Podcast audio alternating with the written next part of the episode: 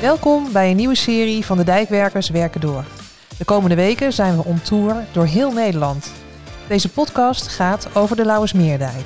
Ik spreek hierover met Ido Boonstra, projectmanager bij Wetterskip Friesland. Leuk dat je luistert. Ik ben Miranda Mens, de host van deze podcast.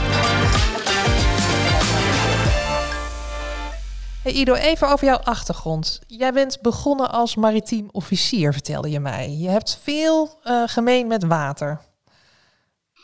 Dat klopt. Ik, uh, mijn carrière die is uh, begonnen als maritiem officier op de Nederlandse koopvaardij. Ik heb zes jaar lang gevaren als stuurman en, en machinist op, op grote vrachtschepen en dat, dat wereldwijd. Gaaf. Heel gaaf. Het is natuurlijk ook een beetje, een, het lijkt een jongensdroom. Het lijkt een avontuurlijk bestaan. Dat was het ook wel. Je was lang van huis en, je, en, je, zag heel wat van de wereld. Het was wilde vaart, je wist nooit waar je naartoe ging. Maar op een gegeven moment dan heb je, het klinkt raar, maar uh, dat ook wel gezien. De wereld ook wel gezien. En dan zoek je toch weer andere dingen. En die hoef je niet per se elders te zoeken. Dat kan je ook gewoon in Nederland doen. Ja, en jij vond dat bij het waterschap? Met een, met een tussenstap. Ik, uh, na het varen heb ik nog een aantal jaren gewerkt bij een grote machinefabriek. Ik, ik, heb toch, ik ben werktuigkundig, heb veel met werktuigbouw en techniek. Maar toen kwam er een interessante vacature voorbij van Waterschap Friesland. En daar heb ik op gesolliciteerd en ben ik in het beheer van de poldergemalen beland. Waterschap Friesland heeft ontzettend veel gemalen en gemaaltjes, wel, wel bijna duizend stuks. En die moet ook allemaal uh, beheerd worden en, en, en, onderhouden worden. En aan mij de schone taak om dat te organiseren. Oké, interessant. En nu ben je dus betrokken bij de versterking van de Lauwersmeerdijk. Dat klopt, dat klopt. Uh, ik werk alweer een tijdje bij het waterschap. Ik heb het beheer van de gemalen toch een jaar of vijf, zes ook weer gedaan. En toen kwam er een interessante vacature weer voorbij als uh, projectmanager. En onder andere moesten er dijkversterkingsprojecten gemanaged worden. In, in 2012 heb ik dan de overstap gemaakt van, van het beheer naar, naar afdeling projecten. En zo ben ik in de wereld van het hoogwaterbeschermingsprogramma gerold. Ja, en wat maakt het project de Lauwersmeerdijk zo bijzonder voor jou? Nou, de Lauwersmeerdijk is een heel leuk uitdagend project. dat begon eigenlijk aan, aan, aan de voorkant. Um, het was een project met een hoge urgentie. De, de, asfaltbekleding aan de zeezijde was van een slechte kwaliteit. Het was heel oud, 50 jaar oud, en moest met hoge spoed vervangen worden. En dat betekent dus dat je met man en macht met z'n allen aan de voorbereiding van zo'n uh, project gaat werken. Nou, wat, wat het nog steeds uh, spannend maakt, en het, het, blijft spannend, is dat we eigenlijk een, een dijk gaan versterken tussen twee Natura 2000 gebieden in. Aan de, aan de buitenzijde, de zeezijde, is de Waddenzee.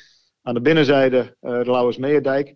En dat zijn beide Natura 2000 gebieden die veel aandacht vragen in, in omgang met de natuur. Ja. Daarnaast de hoge urgentie maakt ook dat je uh, veel aandacht moet schenken aan de stakeholders en andere belanghebbenden. En dat, dat, dat is altijd interessant. Je noemde het ook wel de laatste klassieke dijkversterking in Friesland.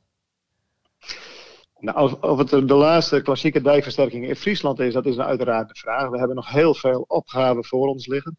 Vele kilometers dijk moeten nog versterkt worden. Maar dit is toch wel in die zin een, een dijkversterking waarbij we eigenlijk alleen maar gekeken hebben naar haalbare oplossingsrichtingen uh, ja, binnen de beperkingen die we hebben van de Natura 2000 gebieden. Dat betekent eigenlijk dat je kijkt naar wat is er mogelijk op de dijk zelf qua versterking. En dan kom je weer op, op uh, harde materialen uit. We hebben in de dijkversterking, in de oplossingsrichtingen, hebben we uh, betonblokken toegepast, we hebben asfalt toegepast en de, de kleibekleding en dergelijke. En in die zin hebben we um, eigenlijk geen mogelijkheden gehad om te kijken van zijn er ook andere oplossingen toepasbaar, zoals uh, buitendijk versterken, het aanleggen van een groene dijk of, of uh, misschien nog exotischere vormen zouden we ook met zand opspuiten aan, aan de buitenkant de dijk kunnen versterken.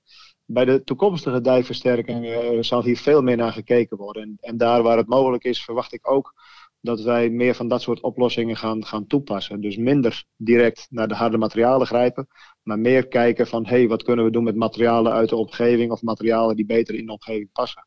Ja, precies. Maar daar had je simpelweg de tijd niet voor, nu begrijp ik. Nee, dat klopt. Het asfalt wat op de dijk lag, wat ik al zei, is, uh, is uh, meer dan 50 jaar oud. Het vertoonde ernstige scheurvorming en uh, de veiligheid was gewoon in het geding. En dan moet je gewoon gaan kijken van wat is dan haalbaar binnen het tijdsbestek wat je had. De wens was eigenlijk om in 2019 te beginnen met het project. Uh, daar heeft het bestuur ook zich hard voor gemaakt om dat uh, allemaal mogelijk te maken. En dat was ons uitgangspunt. En ja, binnen dat uitgangspunt hebben we gewoon gekeken van wat is hier dan mogelijk. Oké. Um, jullie hebben zelfs ook die stukken asfalt uh, getransplanteerd en in de deltagoot getest, hè? Een tijd geleden. Dat klopt. De constatering dat het asfalt van mindere kwaliteit was, dat was al in 2011. Toen is er in hebben we een monitoringsprogramma opgezet en gekeken van hoe, hoe gedraagt het asfalt zich. 2016 kwam men tot de conclusie dat het snel verouderde. Uh, en wilde men de dijkversterking in werking zetten.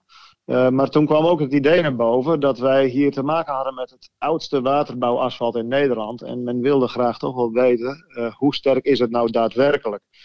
Toen zijn er in 2017 grote moten asfalt uit de bekleding gezaagd. Die zijn uh, heel voorzichtig getransporteerd naar de Deltagoot in Delft. En daar heeft Deltaris ze beproefd. Nou goed, de beproevingen liepen in die zin wel succesvol. De, motorasfalt waren moeilijk kapot te maken door de hoge en zware golfslag. en ja, dat deed toch een beetje de indruk wekken dat het asfalt sterker was dan dat we dachten. Ja, en toen kwam het stormseizoen 2017, 2018. Klopt, klopt. Ja, en eigenlijk geheel tegen de verwachting in uh, vertoonde het asfalt op de dijk toen na de stormen ontzettend veel scheurvormen. We hebben honderden scheuren moeten herstellen. Dus het, het, het, degenereren van het asfalt, het verouderen van het asfalt, dat ging uh, onverminderd snel door. En het was eigenlijk dermate zorg, zorgwekkend dat we besloten hebben om het project met, uh, met hoge spoed weer aan te slingeren. Om verder te gaan met het project. Ja, en jullie hebben alle fasen van, van deze versterking uh, van dit project doorlopen in één jaar tijd, inclusief de Raad van State-procedure. Dat is natuurlijk enorm snel. Waar moet je nou in, in aansturing van een project op letten als je zo hard gaat? Ja, als je zo hard gaat, dan is het moeilijk. Uh, eigenlijk is het dan moeilijk om je eigen projectteam op de hoogte te houden. Er zijn zoveel ontwikkelingen uh, dagelijks waar je rekening mee moet houden. Maar wat ook heel erg belangrijk is, is dat je ook uh, de, de managementschil in je organisatie en, en uiteraard de bestuurlijke schil, dat je die ook meeneemt. Uh, uh, en dat, dat is lastig. En daar moet je dan overlegvormen voor organiseren die je normaal niet hebt. Maar dat moet je gewoon gaan zeggen, nou we gaan wekelijks om tafel zitten.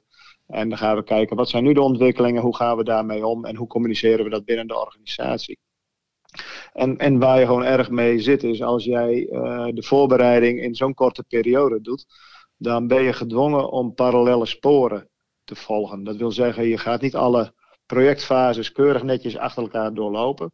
Maar je laat uh, sommige uh, fasen laat je gewoon naast elkaar lopen. En dat betekent wel dat je wijzigingen die in de ene fase optreden, moet doorlopen ook in de andere fases. Dat betekent dat je best wel eens even weer helemaal terug moet. En ook met andere stakeholders weer om tafel moet om te zeggen wat dan de situatie is en hoe het opgelost kan worden. Ja, Oké. Hey, en de versterking van de dijk, hè? wat moet er allemaal gebeuren? Nou, dat is, dat is best wel heel veel. Uh, ik had al genoemd dat het asfalt in een slechte staat was. Dat is eigenlijk de, de, de trigger geweest, de aanleiding voor verder onderzoek. De hele dijk is, is uh, verder beoordeeld volgens het WBI, het wettelijk beoordelingsinstrumentarium. En naast het asfalt zijn er nog vijf faalmechanismen die we op moeten pakken. En dat heeft zich uh, uiteindelijk geresulteerd in een dijkversterking waarbij de hele zeezijde, de buitenkant van de dijk, die gaat volledig op de schop. De blokkenbekleding uh, beneden in de teen van de dijk, die, uh, die wordt vervangen. Het asfalt wordt uiteraard helemaal eraf gehaald en weer vervangen door nieuw asfalt. Maar ook het dijk krijgt aan de zeezijde een volledig nieuw profiel. Dus de, de vorm van de dijk die wordt helemaal anders. Oké. En dat over een lengte van zo'n 4,5 kilometer, hè? Dat klopt, dat klopt. Ja, de, he de hele dijk, dat is de, eigenlijk de oude afsluitdijk van de Lauwerzee. Dus dat is de, was de, vroeger de, de verbinding tussen de Waddenzee en de Lauwerzee. En dat is nu een soort afsluitdijk. En die wordt in zijn geheel, wordt die nu aan de Friese zijde, wordt die uh, verbeterd. Versterkt, ja. En duurzaamheid is een heel belangrijk uitgangspunt geweest hè, bij deze versterking. Wat kan je daarover vertellen? Ja, dat klopt. Ehm, we hebben de duurzaamheid zeker een belangrijke rol laten spelen, ook in de variantenafweging. Hè. Daarbij kijk je naar een hoop aspecten van welke variant verdient de voorkeur, waar, gaat het voorkeur naar uit. En uiteindelijk heeft het geresulteerd dat, dat wij nou 90, 95 procent van de vrijkomende materialen, denk daarbij aan het oude asfalt, denk daarbij ook aan aan de grond, maar ook aan de oude blokkenbekleding op de dijk, die worden allemaal weer hergebruikt. Die krijgen weer een functie in de nieuwe dijkversterking. En dat betekent, als jij die oude materialen gaat hergebruiken, dat je geen of minder nieuwe materialen moet aanvoeren. Dus het bespaart je op de afvoer van materialen. Het bespaart je op de aanvoer van materialen. Maar we hebben ook gekeken van is het ook mogelijk om uh, de materialen die we nodig hebben, om die te reduceren. Bijvoorbeeld uh, de betonbekleding. Die uh, hebben we van een bepaald type is die uiteindelijk gekozen, waarbij je dus minder dikke blokken nodig bent. en dat bespaart gewoon veel beton. En beton is een, een product waar veel CO2 bij vrijkomt in de productie. Nou, dat is dus de keuze voor zo'n type blok kan voor de duurzaamheid dus positief uitvallen. Ja, precies. En heb je in dit uh, snelkookpanproces, mag ik het misschien wel noemen, heb je ooit met de hand in het haar gezeten? Heb je ooit momenten ervaren dat het echt tegen zat en je dacht van nou, hoe moeten we hier uit gaan komen? Uh, in, in het snelkookproces wat wat we gehad hebben, hebben we meer dan eens inderdaad met de handen in het haar gezeten. We hebben ook meerdere momenten gehad dat we uh, nou, tegen elkaar zeiden van 2019 de uitvoering starten, dat lukt niet meer. Maar wel het mooie is, is dat je dan toch met z'n allen gaat kijken van wat gebeurt er nu, hoe gaan we hiermee om en wat voor oplossingen kunnen we hiervoor bedenken. Het maakt je ook heel creatief. En uh, dat is ook heel mooi om te zien wat, wat voor oplossingsrichtingen komen er dan naar voren. En uh, soms uh, leidt dat tot, tot verrassende nieuwe inzichten of methodes die je in eerste instantie niet aan gedacht hebt. En bijvoorbeeld een voorbeeld is ook dat er een, een, wens was van de natuurbeheerders dat we de eerst beoogde oplossing voor, voor het versterken van het teen van het dijk hadden wij, wilden wij uitvoeren in, in een bepaald type breuksteen, wat een grove breuksteen die sterk genoeg is voor de omstandigheden daar. Uh, dat, dat, zagen ze echt niet zitten. Ze waren bang voor uh, dat de, de, broedvogels daar negatieve gevolgen zouden gaan ondervinden. En toen hebben we gewoon gekeken van wat, wat voor andere oplossingsmogelijkheden zijn er. En we hebben iets gevonden wat, wat eigenlijk kostenneutraal is. Wat beter inpasbaar is in de omgeving. En waar de natuurbeheerder ook blij mee was. Ja, dan heb je toch een win-win situatie te pakken. Ja, dat is perfect natuurlijk. Hey Ieder, hoe ga je het vieren als de dijk straks klaar is? Nou, als de dijk straks klaar is, dan gaan we het uiteraard formeel vieren met een, uh, een opleveringsfeestje. Maar ik denk ook dat we als projectteam uh, hier echt, echt bij gaan stilstaan. Ik vind dat wij, uh, we hebben ons, ontzettend ons best gedaan om dit te kunnen realiseren. We hebben heel hard gewerkt. Het heeft ook best wel veel gevergd als je zo'n traject ingaat met zo'n hoge urgentie. En ik denk zeker als projectteam samen met de direct betrokkenen, dan, dan gaan we hier zeker een, een, een, klein feestje aanwijden. Een klein bescheiden feestje, maar ik vind wel dat dat verdiend is. Ja, precies. Oké Ido, ik wens je heel veel succes met dit project en dank voor je medewerking aan de podcast. Graag gedaan.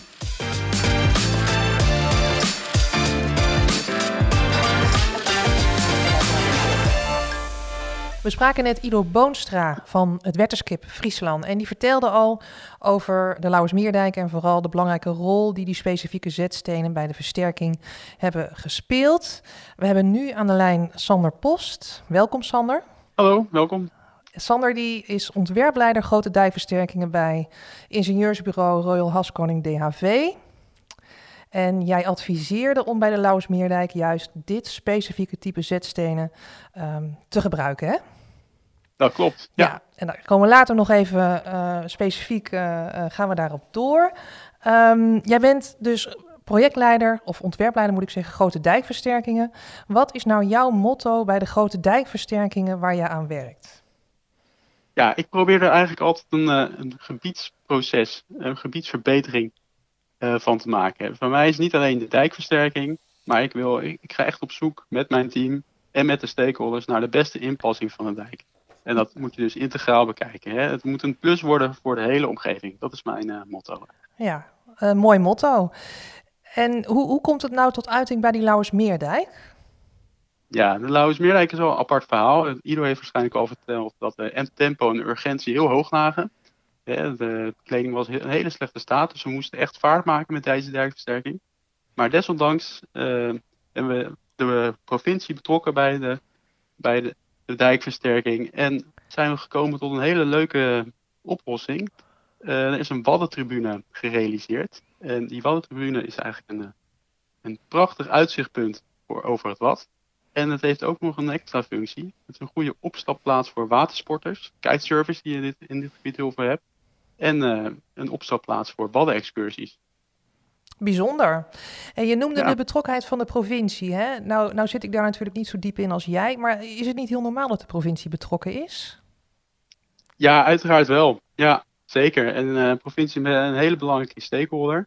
Maar juist bij deze dijkversterkingen, waar tempo ja, echt heel belangrijk was, is het vaak wel lastig om uh, meekoppelkansen echt ja, van de grond te krijgen. Hè? Dus daarom moesten we nu uh, de provincie echt nog meer betrekken. Hè? Want zij moesten ook sneller keuzes maken dan zij nog gewend, normaal gewend zijn om uh, tot die waddentribune te komen. Dus we hebben nu echt die provincie uh, nog meer betrokken dan anders. Oké. Okay. Hey, en dan nu even over die duurzame zetstenen. Hè? De stenen die gebruikt worden bij de Lauwersmeerdijk, die komen uit Duitsland. hoe ben jij dit type op het spoor gekomen? Ja, als Hasco EV zijn we ook betrokken geweest bij de aanbesteding van de, van de. We hebben daar een heel mooi ontwerp voor gemaakt. Helaas heeft ons ontwerp uh, niet gewonnen, maar we hadden daar wel in dat hele lange traject hebben wij een, uh, ja, hebben gezien, hebben we testen gedaan, uh, dat zetsteen die met elkaar samenwerkt, die in elkaar haakt, hè, interlocking heet dat, dat die, ja, dat, dat die heel, heel goed op hun plek blijft en dat ze uh, doordat ze samenwerken, heb je minder beton nodig. En minder beton is duurzaam. Dus uh, ja, daarom zijn we eigenlijk voor deze Lauwersmeerdijk, waar je een hoge golfbelasting hebt, dus echt wel flinke zetstenen nodig hebt, hebben we gekozen van hier, juist hier is die interlocking zetsteen heel erg uh, waardevol. Want dan kan je met minder beton uit. En is het toch een hele sterke oplossing voor je rijkversterking. Ja, precies. Je noemde al de sterke golfslag die je daar hebt bij de Lauwersmeerdijk, vanuit uh, de Waddenzee. Kunnen deze stenen met dat interlocking principe, hè, kunnen die ook op andere plekken in Nederland nuttig zijn? Zeker, dat denk ik wel. Uh, nou, eigenlijk uh, langs alle zee- en meerdijken van dit land, hè, van, van langs de Waddenzee, langs de, de kust van Zeeland en de meren, IJsselmeer, Markenmeer, heb je eigenlijk zetstenen. En uh, ja, we gaan toch uit van steeds strengere normen. En daar heb je dus ook sterkere en zwaardere stenen bij nodig. En dan is het toch wel heel fijn als je uitkomt met een uh, steen die niet alleen maar uitgaat van het eigen gewicht, maar ook nog van dat interlocking principe. Want dan kunnen ze dus dunner worden uitgevoerd en dan heb je minder beton nodig. En nou, dat is natuurlijk uiteraard duurzaam. En daarnaast heeft het ook nog eens een extra voordeel, want het is uh, onderhoudsvrij. Uh, je hoeft niet, de steen hoeft niet ingewassen te worden met split. En dat is bij andere zetstenen wel het geval. Hoe, hoe zit dat precies, dat je het niet hoeft in te wassen met split? Uh, nou ja, kijk, de stenen haken in elkaar. Dat is uh, heel bijzonder. En ze, daardoor zitten ze heel dicht tegen elkaar aan.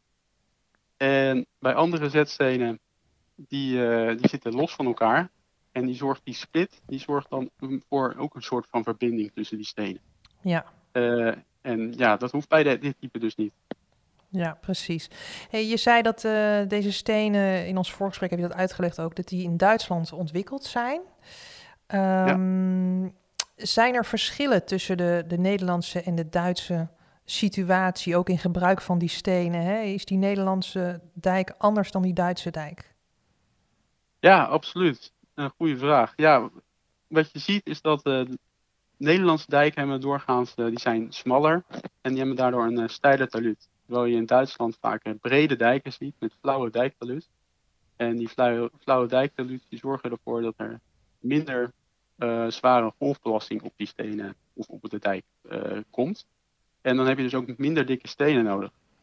En omdat zetstenen machinaal worden gezet, is, was dat, liepen we voor de Lauwersmeerdijk tegen een probleem aan omdat uh, ja, we hier met een dikkere steen aan de slag gingen, was de gebruikelijke zetsteenmachine eigenlijk niet helemaal toepasbaar meer. Dus zijn we echt met de aannemer gaan nadenken hoe we deze zet, zetmachine konden aanpassen voor de situatie op de Lauwersmeerdijk.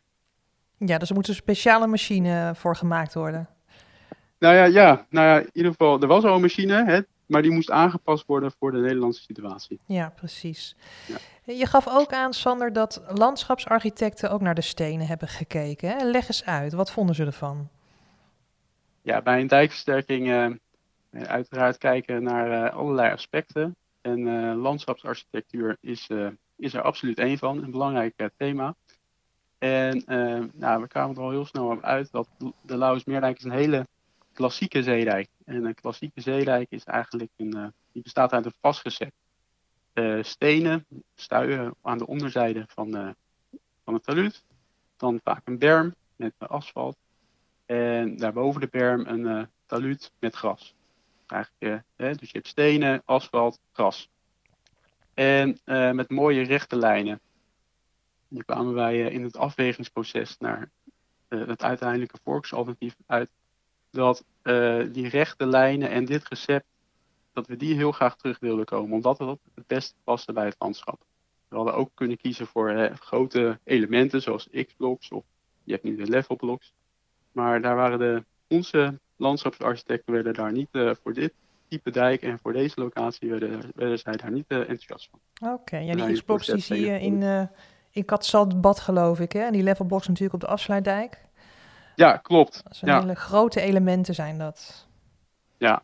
Ja, ja. Hey, en uh, wat vind jij zelf een mooie dijk? Waar word jij persoonlijk blij van? Ja, ik ben ook uh, ontwerpleider van het uh, eh, HWP-project Vlieland, dijkversterking Vlieland. En ja, dat is een hele mooie klassieke dijk, stelteluut. Grenst direct aan het wat en aan het dorp. En ja, het, wordt, het is dus naast een dijk ook nog eens echt een plek waar je mooi kunt wandelen kunt genieten van het, van het uitzicht. Het is een dijk op het zuiden. Dus je kan daar heerlijk uh, eventjes ontspannen en uitkijken over, over de Waddenzee. En de, ja, die klassieke basaltzuilen die er nog op zitten, vind ik gewoon uh, echt... als waterbouwer word ik daar heel enthousiast van. Nou, dat klinkt wel heerlijk, Sander. Ik denk dat het druk wordt op de dijk in, in Vlieland. Zou zomaar kunnen, hè? Ja, het is echt een hele mooie plek. Goed zo. Hey, dank voor de tip en voor het leuke gesprek. Ja, ik vond het ook leuk. Dankjewel. In deze podcast hoorde je meer over het project Lauwersmeerdijk van Wetterskip Friesland. Duurzame oplossingen besparen geld en zijn goed voor het milieu. En we leerden ook dat het ontzettend belangrijk is om je interne en externe omgeving nauw te betrekken bij je plannen. Wil je reageren? Praat dan mee via hashtag Dijkwerkerspodcast.